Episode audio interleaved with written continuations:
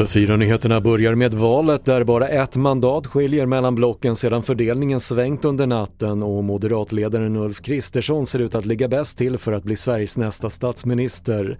Men han betonade i sitt valnattstal att det definitiva resultatet måste fastställas innan något annat sker. Om vi då har de parlamentariska förutsättningarna så kommer jag samla min sida i politiken till samarbete.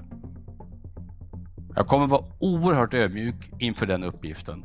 På kommunal nivå lutar det åt maktskifte i Stockholm där Moderaternas 16-åriga styre nu kan gå mot sitt slut medan det ser ut att bli dött lopp mellan blocken i Göteborg. I Malmö verkar samtidigt partiet Nyans precis ta sig in i kommunfullmäktige men nykomlingen ser inte ut att rucka på S och L-styret. Och vi avslutar med tennis för den 19-årige spanjoren Carlos Alcaraz vann i natt i US Open-finalen mot norrmannen Casper Ruud. Alcaraz seger med 3-1 i set innebar hans första Grand Slam-titel och att han nu är den yngste världsettan någonsin.